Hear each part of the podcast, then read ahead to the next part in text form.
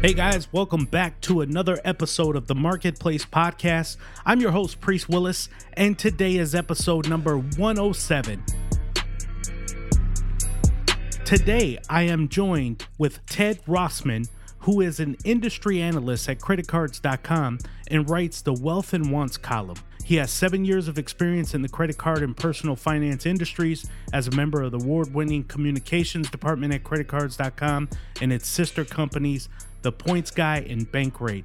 I'm really looking forward to you guys hearing today's message about using credit cards, but using credit cards responsibly, building up your business, your personal credit score, the right cards to possibly get for yourself if you don't already have them. This is a great episode. This is one that we haven't done in the past in terms of credit cards and how it works with our credit reports. So hopefully you get something out of this. Without further ado, here is my man, Ted Rossman. Hey, Ted, welcome to the program. Hey, thanks for having me. Yeah, it's exciting to have you. Why don't you tell us a little bit about yourself? Yeah, sure. Well, happy to be here. I'm the industry analyst at creditcards.com. And in that role, I help advise consumers on everything from picking the right credit card to earn rewards and get out of debt and build your credit score and all that good stuff. So looking forward to getting into some more detail here. Yeah, it's really cool and your your experience is really cool and it's different because we've never had anyone on like yourself on the marketplace to talk about credit cards and what it may mean to us personally and part of our business. And I know it's kind of a um, a sacred cow, if you will, in some parts of the world. So let let's answer a lot of those questions. But before we really get into it, can you tell us what creditcard.com does?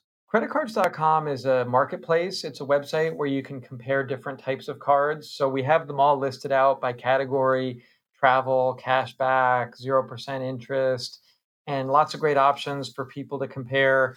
We also have some really helpful editorial content that'll help you learn more about your money, learn more about your credit. And we have a um, service called mycreditcards.com, which lets you look at your monthly credit report and track changes over time and uh, improve your standing. You know, so are you guys like basically like a super affiliate almost? Because these seem like links that you'd get paid commissions on. And yeah, that is the company's revenue strategy. That yeah, we do make money from the card issuers uh, when consumers get approved for a card. You're an industry analyst with creditcards.com. Tell us what that means. So, a big part of my job is talking with media and advising consumers on picking the right card, um, getting out of debt, building credit, staying safe from all the data breaches that are out there. Uh, there's a lot of exciting new credit cards out there. So, I talk to issuers and talk to media and consumers about the best options and what you should sign up for in order to maybe get a free trip or get some cash back in your wallet or you know, if you have credit card debt, maybe some strategies like 0% balance transfer offers that can help you get out of debt at a lower cost. So, unlike any other time, I've seen people get into the finance industry. I mean, I think since the 2008 crisis, more people have become interested about how to invest. Side hustles have become a big thing, right? So that people can supplement their income.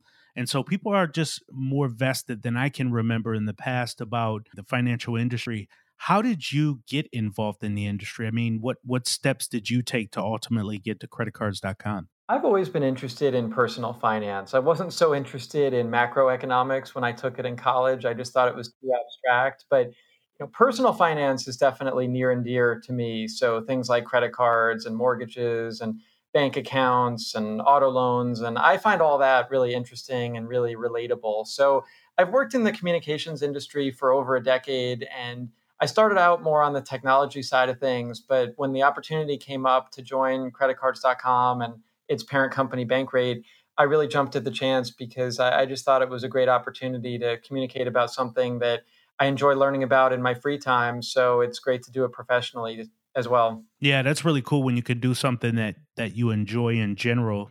And you know, as I mentioned, the financial industry as a whole has become really big. You hear about conferences like FinCon, which brings out financial bloggers, tech bloggers, and one of the ways I found you was I was researching, you know, what it means to rent a house versus owning a home, and then came across some of your content out there from uh, Bankrate. But as we get into it, what is your philosophy behind credit cards? You know, a lot of people believe that the best way to become wealthy and, you know, to keep their credit score safe and, you know, other ways is just not to have credit cards or any debt as they see it. What what's your philosophy behind credit cards? Well, I definitely agree that you don't want credit card debt, but I think there's a lot of ways that you can use credit cards smartly. So, first of all, if you have a credit card, make sure to pay the balance in full every month. Therefore, you avoid any interest charges. And if you do that, then you can really reap the rewards because there are tons of great cashback cards, there's travel rewards cards. So, ways that you can get first class airfare for free, you can get free hotel stays. In my case, I love cashback credit cards. My family and I made about $1,400 last year on money that we would have spent anyway by putting it on cashback credit cards. So those are some of the perks. You know, there's other ones too. For instance, fraud protections are much better on credit cards than they are on debit cards or cash. So especially when you're making online purchases, you know, you, you really don't have to worry nearly as much with a credit card because if there's any fraud, the issuer is going to take care of it. You're not going to be held liable. And with a debit card, that's real money missing from a real account.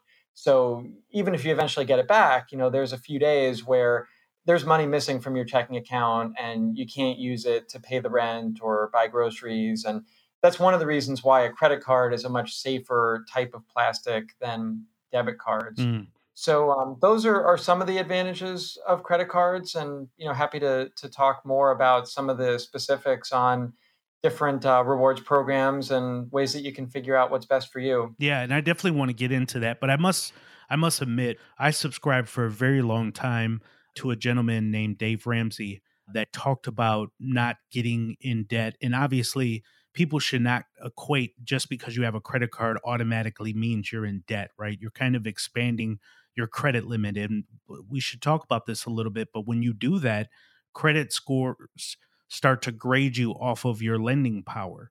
So just because you have a credit card doesn't automatically put you in if you have a limit, for example, $7,000, it doesn't put you in $7,000 of debt. It just simply says you now have $7,000 available to you more than you would have without it. So really what it comes down to, I guess, um, and this isn't to take anything away from those that get into credit card debt, but you have to have willpower, right? Just because you have a card doesn't always mean you should spend it. So, what do you think about the philosophy or maybe things that you've heard of Dave Ramsey? What are kind of his cons? And I'd really like to hear your pros versus those. So, his first con is don't have a credit card, period. What would you say to that? Yeah, I think that there's a lot of ways to use credit cards responsibly. So you definitely have to pay your bill in full every month because the average credit card interest rate is 17%. So don't get lured in by 1 or 2% cash back or airline miles if you're going to be carrying a balance. The math is definitely not in your favor. So definitely want to pay that bill in full every month. And if you can do that, then you know rewards are a great thing. Uh, we mentioned fraud protection nowadays so many things are purchased online so it, it's really pretty much impossible to be cash only and i mentioned some of the reasons why using a debit card online is not the best idea in terms of fraud or or also it's just impractical with things like um, hotel stays or rental cars mm. even buying gas at the pump times when on a debit card you're going to get charged extra as a deposit to make sure that you can cover that full tank of gas or any hotel incidentals or any rental car damage. I mean, with a debit card, that's going to be real money missing from a real account. Um, whereas on credit, it's much more practical to pay for those sort of things nowadays. And then, you know, in terms of building your credit, also, that's a really important modern financial tool because we all need credit for so many things even things that are not considered debt. Like, for example, when you go to rent an apartment, chances are the landlord's going to check your credit. Even when you sign up for utilities or you get a cell phone, those companies are going to check your credit. So, getting a credit card early, I would say, you know, in your college years or right after college is usually a really good time to start establishing a strong credit history. And that's really going to help you throughout your financial life because having a good credit score just means that you have way better access to financial products and pay way better rates. And that'll help you with your mortgage, your auto loan, any sort of financial product. Yeah, you you said a lot of good things here, and I wanna I wanna splice them up a little bit uh, for the listeners because the first thing you said, which I think is very key, is that when you are making purchases online, for example, you're not using your personal credit card. So you're right. When you're purchasing online, you expose yourself to, and you just don't expose yourself, but you expose your bank account. So if that if it's if it's something gets compromised in it, all of a sudden you have people that take directly out of your bank account, which may have been rent money in there, car payments, whatever it may have been. Now all of that is exposed, right? On the in the one sense, which you know that that creates a problem in itself. But on the other hand, when you are traveling or when you're renting cars or when you are trying to do something else that requires you to put a card down, you're right. A lot of money gets held up on your debit card, which typically people are traveling, they could use that extra 250 that's being held for incidentals at a hotel or or a um, for a car rental or some something along those lines. But it does come down to people. If you believe you can make that payment every month, then it it does turn into your favor. But if you're getting a few points back for you know mileage um, with the airline, but yet you're paying the average, as you said, at seventeen percent, that math just doesn't make much sense to me at all. Yeah. So if you already have credit card debt, you don't want to look at a rewards card because those are the ones with the highest interest rates. You want to look at something like a 0% balance transfer offer. There are cards now like the US Bank Visa Platinum, they have a 20 month offer, 0% interest on transferring a balance. So that's a huge way that you could save hundreds or even thousands of dollars on your credit card bills if you have existing debt by switching your balance over to a card like that. Yeah, and, and one of the other things that I will say to entrepreneurs out there is that for me personally, again, this is just me being transparent when I want to be able, rather than go out and get VC funding, I mean, depending on how much money you're looking for or something along those lines, I went off and got a Spark Capital card for my business. And I just borrow from the card as I need it for my business rather than tapping into either my personal finances or even a personal credit card. I just use it on the business card and build a business from there. Now, obviously, if it starts snowballing on you, that's how people get into trouble. But these are ways that you can use it positive and credit cards doesn't have to be a demon experience as it is for many. That's right business credit cards are also really useful from an accounting standpoint and tracking your expenses separating the business from personal use. That's maybe even especially applicable for small businesses even sole proprietors. So it, it really makes sense to separate that spending out and earn some rewards in the process yeah. So, you know, we talked about Ted picking the right cards, you know, based on cashback strategies and rewards and mileage. So, when I'm picking cards or deciding, you know, maybe what first credit card to start with or something along those lines, how, how do I choose which is the best card for me? I think there's two main questions you should ask yourself when you're thinking about applying for a card. One is how do you spend most of your money? And the other one is what do you want to use the rewards for? So, depending on those answers, that's going to tell you which kind of card to get. Um, in terms of how you spend your money, you know, you want to think about broad categories. Like there are certain credit cards that give bonus points on travel and dining and groceries and gas, and you know, those categories wh- where you spend your most money is going to uh, really affect the card you get. And then, what do you want to do with those rewards? Do you want to travel? Do you want cash back? Are you the kind of person that really just wants the lowest possible interest rate. Maybe you are afraid that you're going to carry a balance. And a good example of this for somebody who does not have existing credit card debt, but still might want a 0% offer is somebody who maybe they're buying a house and they need to buy all new furniture and appliances. And there are credit cards that'll give you 0% on initial purchases for up to 20 months um, besides the card I mentioned before that was 20 months on existing balances that get transferred over. I think a lot of people don't realize you can also get these 0% offers on new spending. Mm-hmm. And if you're planning on buying a lot of things in a short amount of time, that could save you a lot of money. Let's get a little more specific and let's drill down. So I'm going to ask you the best of in these next three questions. So if I'm looking for pure rewards, what is typically the best card specifically that I should be looking for? What what is the name of that card?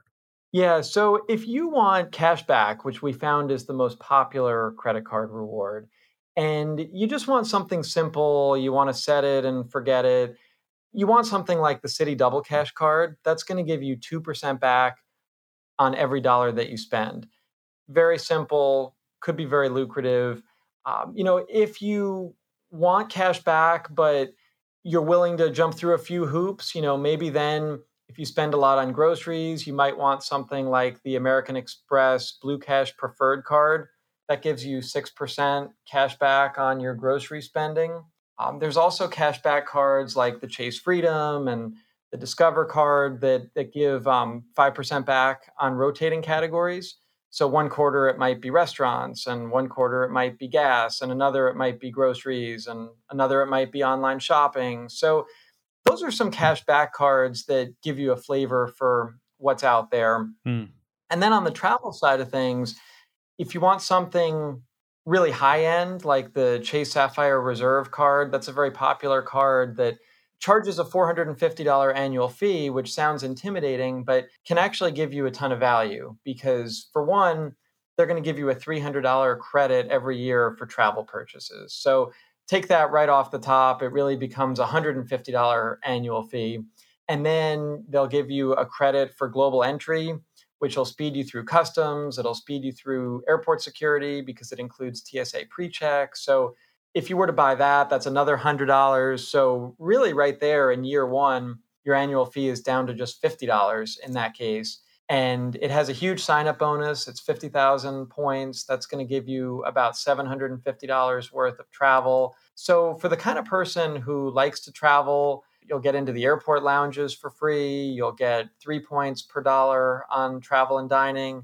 The Chase Sapphire Reserve is a really compelling option. Of course, there are other options too if that annual fee scares you or if you're not as into travel.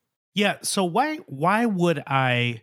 if there's options so for example i have a capital one venture card and my wife and i you know we travel quite a bit and we were on an airline where they're putting up their own cards whether it's delta united whoever it may be and i have the capital venture card why would i go off and get the direct airline if one i have a capital venture card that gives me the mileage there or number two why wouldn't i just do the cashback rewards just to have all the cash and decide myself if I want to take flights somewhere else or use it for anything else I want to do. What what what's the advantage one over the other?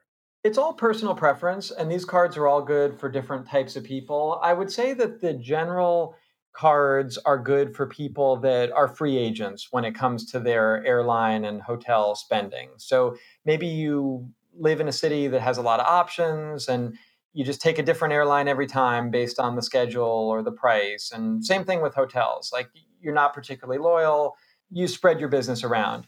Now, if you are the kind of person that's really loyal, like maybe you live in a hub city with a particular airline that has the vast majority of the flights from your home city, then maybe you do want that specific airline card. Um, so, like, you know, you get the United Airlines card, the United Explorer card. Um, it comes with a $95 annual fee but it's going to give you a free checked bag for yourself and a companion every time you fly. So that right there could be worth, let's say, $100 on just one single round trip because they're going to charge $25 a bag. So for you and your companion on a round trip, you know, that could pay for the annual fee right there. Uh, they give you a couple passes to the United Lounge. They're going to give you bonus points on United Airlines purchases. Uh, that card also comes with free global entry. So if you're really loyal to United, for example, you know Delta, American Airlines, they all have cards as well. Uh, that's when it makes sense to really centralize. But if you want maximum flexibility, something like the Chase Sapphire Reserve or the Capital One Venture is going to be more appealing to you because it just keeps a very wide variety of options. So we're we're in the season now where people are going back to school, whether it's college kids, high school kids, but this is more probably directed for college uh, kids. What would you say are the best cards for students? Yeah, student credit cards are a great idea because it helps you establish credit from an early age. Um, there are some regulations there that people should know about. It's difficult to get a credit card nowadays before your 21st birthday. if you want a credit card before you're 21, you need to either show proof of income that you can cover the credit limit, or you need a cosigner like your parents. Um, Discover and Capital One are both leaders in the student card space. They even give you a little bit of a sign up bonus and some rewards. They're not going to be nearly as lucrative as some of the more premium cards that we've talked about, like the Chase Sapphire Reserve or Capital One Venture, but definitely still a good idea for young adults to get started. And then you can use credit responsibly and build your credit score and upgrade to something else in a few years once you've got a higher paying job. We want to thank today's sponsor, Namecheap. Are you trying to find a domain registration company or a host that best fits your need? Namecheap is a domain name registrar and a web hosting company that I've worked with since 2002. They were established in 2000. They offer domain names at some of the best prices in the industry, along with full featured hosting packages, secure SSL certificates, WhoisGuard privacy protection service, and much more. Go to the link in today's podcast, click on Namecheap, and get yours today.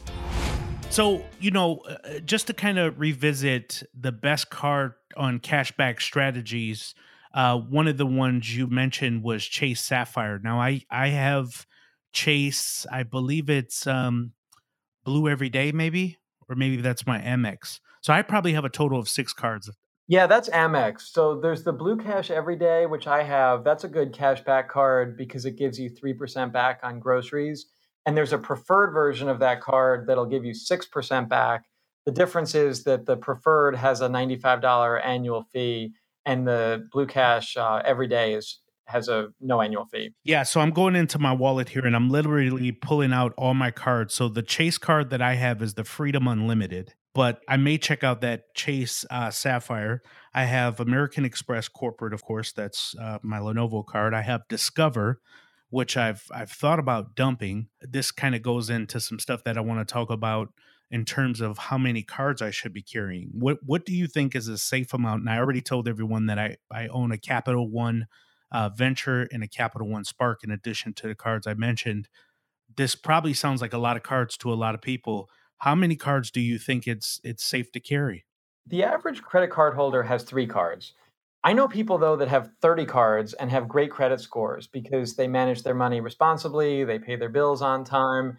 I think a lot of people get scared off by having too many cards because they think, "Oh, that's going to hurt my credit." It actually can have the opposite effect because as long as you're not overspending on these cards, having a lot of available credit is actually your second biggest factor in building your credit score. It's called credit utilization. It's basically how much you've spent divided by how much credit you have available to you. So, having a lot of cards can actually be lucrative in that sense. Uh, the number one factor in a good credit score, of course, is paying your bills on time. So, I would say everybody should have at least one card. And if you are able to pay those bills in full, then as long as you're organized with your finances, have at it. I mean, there's different types of cards that are good for different types of spending. So, like even for me, I like cash back cards. I have three different cash back cards, and they all do slightly different things for me.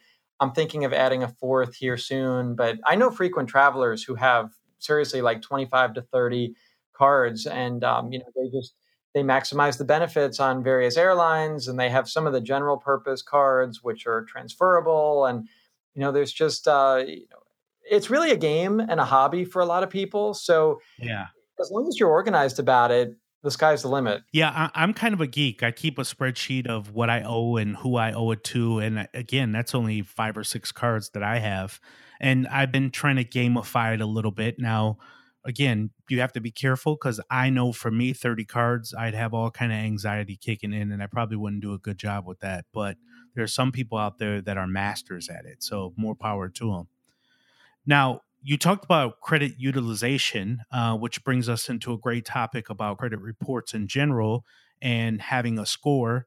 Do you have any tips for people to improve? Do you have any you know how can people monitor it effectively what would be your suggestions around those people like myself that have six cards and maybe more yeah i think the number one step for a lot of people is just going to be get familiar with your credit report and your credit score we found that about half of americans have never checked either one of these. So that's where you want to get started. So you can get free credit scores nowadays from most banks and credit card issuers. This is a new development over the past year or so that you can get these for free by logging into, let's say, Chase or Discover or Amex online. So um, figure out where you stand, first of all, and then monitor that on an ongoing basis. So continue to log into those bank and credit card issuer portals. Uh, use a site like annualcreditreport.com, which is endorsed by the government. They let you see each of your three major um, credit reports once a year for free. So that's Equifax, Experian, and TransUnion. They're the three main credit bureaus. Uh, we also have a service at creditcards.com that lets people monitor their credit on a monthly basis. So figure out where you're at. And a lot of people are going to find that there's errors on their reports. So that's part of the reason why it's so important to check. Like you might think, oh, I always pay my bills on time. I've got nothing to worry about. About one third of Americans have a really serious error on their credit report. Maybe it was somebody with a similar name or a similar social security number that got into trouble with late payments, or you know, maybe there was even something small that you didn't know about, like a medical bill or maybe you accidentally underpaid your taxes. This actually happened to my wife a few years ago. So she had accidentally underpaid her state taxes by about $200 one year. And back then we weren't so diligent about managing our credit, but we applied for a mortgage and her score was way lower than we thought it should be. It turns mm-hmm. out that this couple hundred dollars of underpaid taxes unbeknownst to us went all the way through the courts and there was a judgment and there was a tax lien placed against her we never knew about it. The letter got sent to an old address.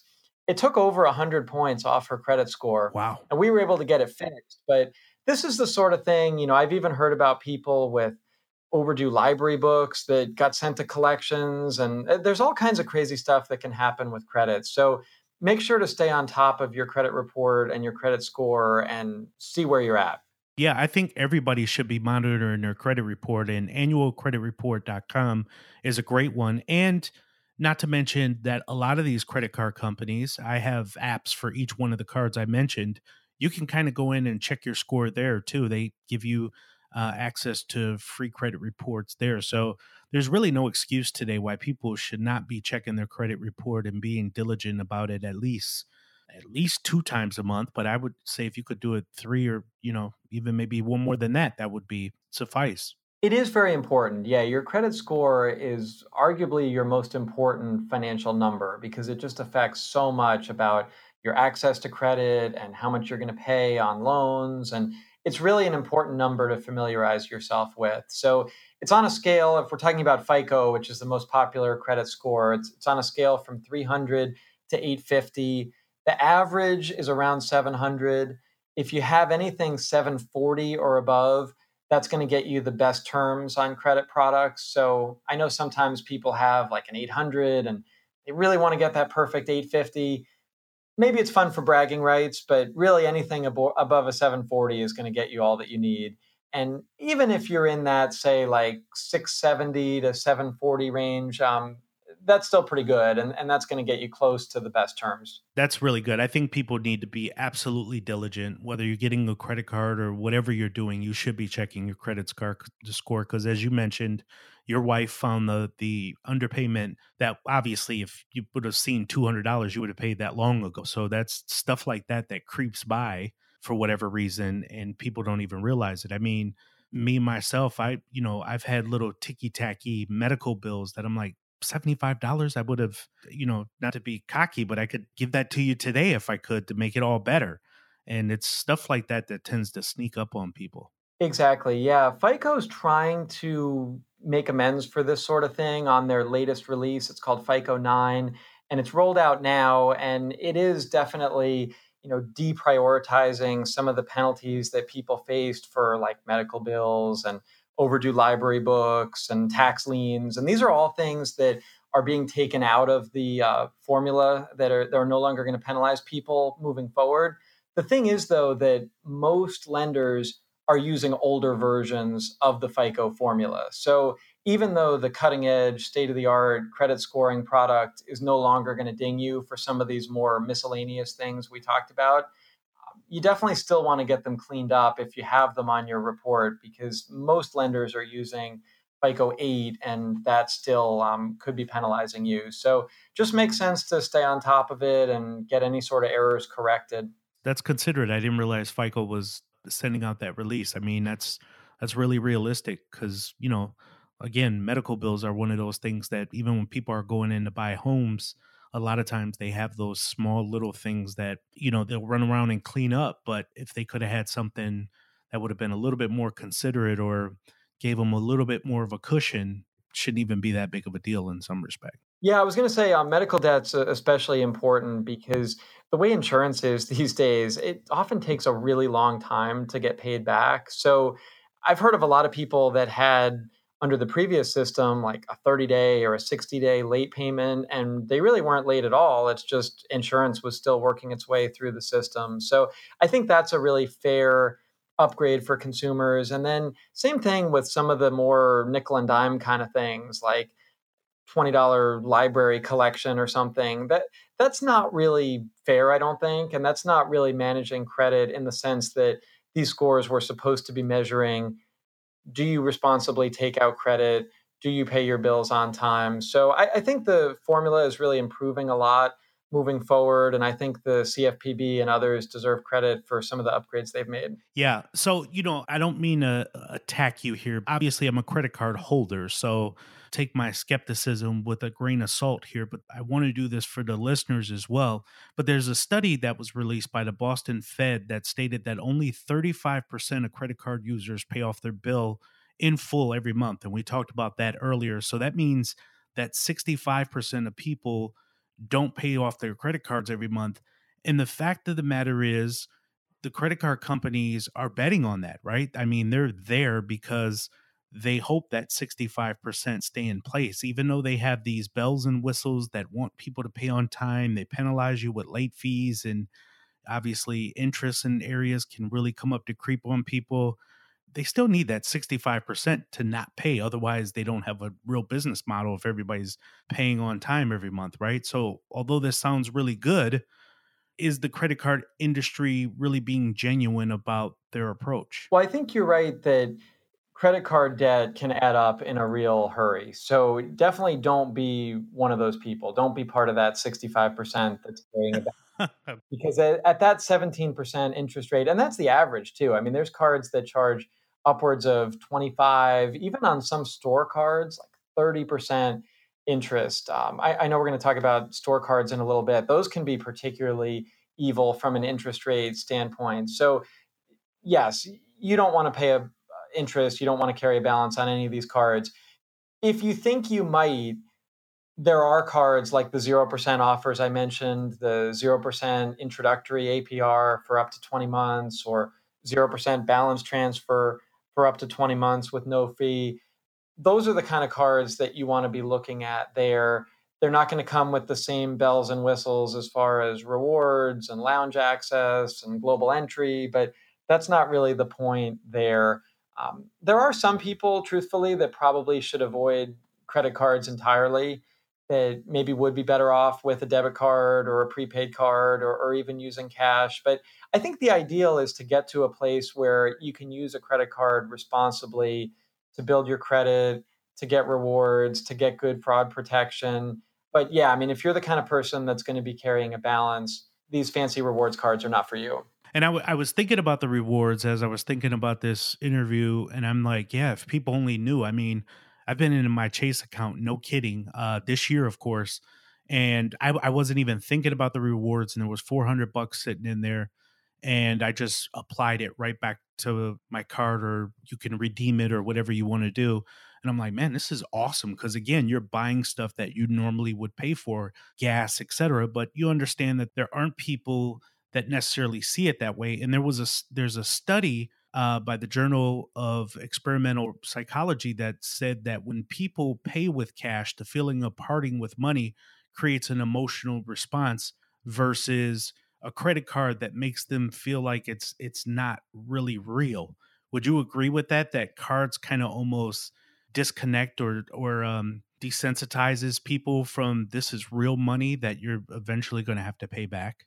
Yeah, I've seen studies to that effect. I think that is definitely true psychologically. We've seen it's also true with tipping behavior that people tend to tip more generously on a card rather than cash. So, mm. you know, definitely some truth to that. I, I think that's one of those know thyself kind of moments where you know, if you're the kind of person that thinks you might overspend on plastic, maybe don't get a card at all, or maybe get a card and just use it for certain kinds of purchases. Like this could be especially smart for young adults who are looking to build their credit history.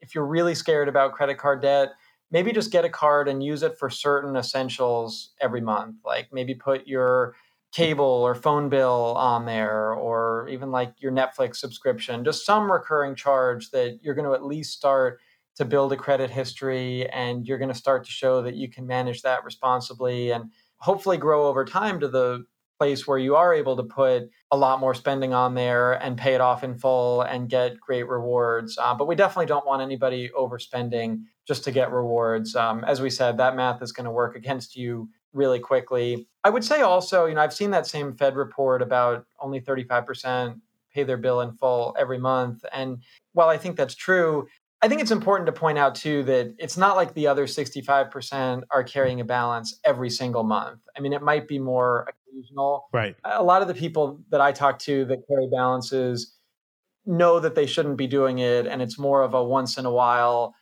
maybe some unexpected expense came up or there was just a, an honest mistake with the way you're managing your money that month and and it's more of a blip on the radar that you know, once in a while you carry a balance but I think most people know that they don't want to be doing that all the time. Here is a segment, Ted, that we call Mythbusters. Um, this is a segment that's not really a segment because we've never done a segment like this on any other podcast. So that was just made up to make sound really exciting. But help me run through. well, we're the first. we're the first. That's right. Help me run through five quick things that are myths that are out in the world or perceived to be myths um, about the credit card industry. One we alluded to, and the first one we alluded to was it's not a good idea to get a store credit card, i.e., J.C. Penney's, Gap, or whatever. What do you say about that? Yeah, I would say that most of the time it's not good to get a store credit card. Their interest rates are much higher than the general purpose cards we've talked about we did a study at creditcards.com and we found that the average store credit card was charging 25% interest, whereas the average overall is more like 17%. And we found some cards that were even charging 30%. So that is really just crippling interest. So mm. you always want to pay your credit card bill in full, but you especially want to do it if you have a store credit card. Uh, there's a couple instances when a store credit card might make sense. One is as a starter card because these cards are typically much easier to get. You don't typically need as good of a credit score or as much of a credit history.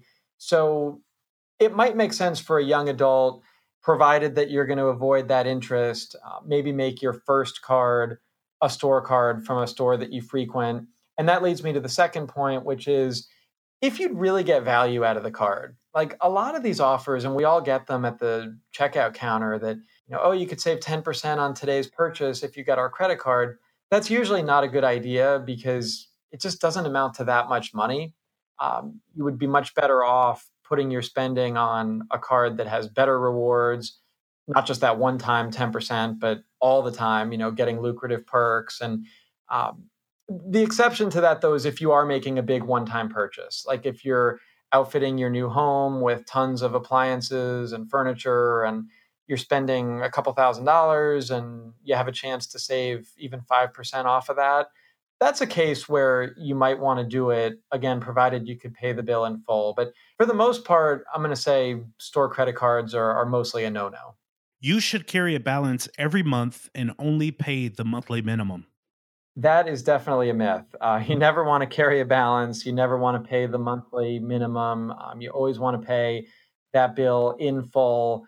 Now, if you can't pay it in full, at least pay more than the minimum because um, minimum payments the industry standard is 1% of the outstanding balance plus interest, it's going to take you a really long time mm-hmm. to pay your bill if you do it that way. And you're going to pay a ton of interest. So pay off your bill as soon as you can. I think it's a huge myth that carrying a balance helps your credit score. Carrying a balance definitely does not help your credit score. You, you never want to pay interest on a credit card unless you absolutely had to. There's two keys people have to see that as. Number one, we talked about credit utilization. So if you're hung up with these credit cards that are using the bulk of whatever money is allowed on that credit card, then your utilization is being taken up. So you're you're using more of the percentage that you have access to. And number two, when you make a payment on the credit card, your interest typically is just about as much as you're paying for the monthly bill, uh, typically. So that makes no sense to me, but we've heard that out there. Number three, Ted, your credit improves when you close your card or get rid of that credit. Typically, it's the opposite. Typically, closing credit cards is bad for your score. And that has to do mostly with the utilization rate that we talked about before. So that makes up 30% of the credit score formula. So if you close a card, you have less credit available to you. So that bottom number is going down. And then whatever money you have spent on credit cards, that top number is going to stay the same. So uh, the ratio would not be in your favor if you're if you're lowering your um, available credit. It does sometimes make sense to close a card, like if you're paying an annual fee on a card that you really don't use. I mean, I can't really advocate for paying a $95 annual fee or or even worse, you know, a $450 annual fee for a card that you don't use. If you find yourself in that case, call up the issuer. Chances are you can keep that credit line open, mm. but just downgrade it to a no fee card. So like if you used to have the Chase Sapphire Reserve and you're no longer traveling a whole lot, you can probably transfer that to something like the Chase Freedom, keep the line open, keep the utilization, um, but don't pay the fee. And um, you know, I would say also with your your credit score formula, it's important to know that the average age of your accounts is a key factor. So you want to have as long a credit history as possible you want to keep long-standing accounts open and in good standing. So uh, really, only close a card if you're paying a fee, and and better yet, just downgrade it to something without a fee. Paying annual fee that brings us to number four. Paying an annual fee is a waste of money. Sometimes it can make a lot of sense to pay an annual fee on a card because the benefits you'll get will far outweigh that annual fee. Um, going back to that example from earlier about the Chase Sapphire Reserve, which is a really popular card, especially among millennials. So we talked about the daunting $450 annual fee. Well, it becomes 150 after that $300 travel credit is subtracted. It really becomes $50 after the global entry redemption is taken out. And then when you throw in something like the sign up bonus, which is 50,000 points worth $750, you're coming out way ahead right there. You're going to get into the priority pass airport lounges. You're going to get three points per dollar on all your travel and dining spending. So that's the kind of card that could be well worth the annual fee, assuming you're the kind of person that um, travels a lot, goes to restaurants, you know, would really use those perks. I think that's an annual fee that a lot of people are happy to pay because they feel like they get way more in return. Sounds good. And the last one, Ted, having too many cards, and we talked about this earlier, but let's let's kind of readdress if we can. Having too many cards will actually hurt your score. The most important thing is paying your bills on time. That's 35% of the credit score formula. 30% is your credit utilization. Uh, 15% is the length of your credit history 10% is have you applied for new credit recently? And the other 10% is your overall mix of credit. So showing that you've balanced, let's say, a student loan and an auto loan and a mortgage, or you know some mishmash of different products. So um, in that mix, it can definitely help you to um, to have lots of cards because if you're able to pay the bills on time and if you're not charging a whole lot against them. You want to keep that utilization below 30% ideally. Um, so, you know, those two factors right there are two thirds of your score. And having more credit cards can actually help um, rather than hurt as long as you're responsible about it. Ted, you've been so gracious with your time. This has been awesome information. I mean, I'm a believer in credit cards. Again, for a long time, I was totally against it, but I realized I was against the idea of having debt. And just because you have a credit card doesn't necessarily mean you have debt. It just speaks to are you disciplined enough to be able to pay that card off? And that's something else that you have to contend with. But listen, you have so much good content out there. I'd like you to share how people can get in touch with you, whether it's through Twitter. I know you write a column about wealth and wants. Feel free to talk about that. Uh, just share whatever you like at this point. I'm on Twitter at Ted Rossman. You can also contact me through creditcards.com.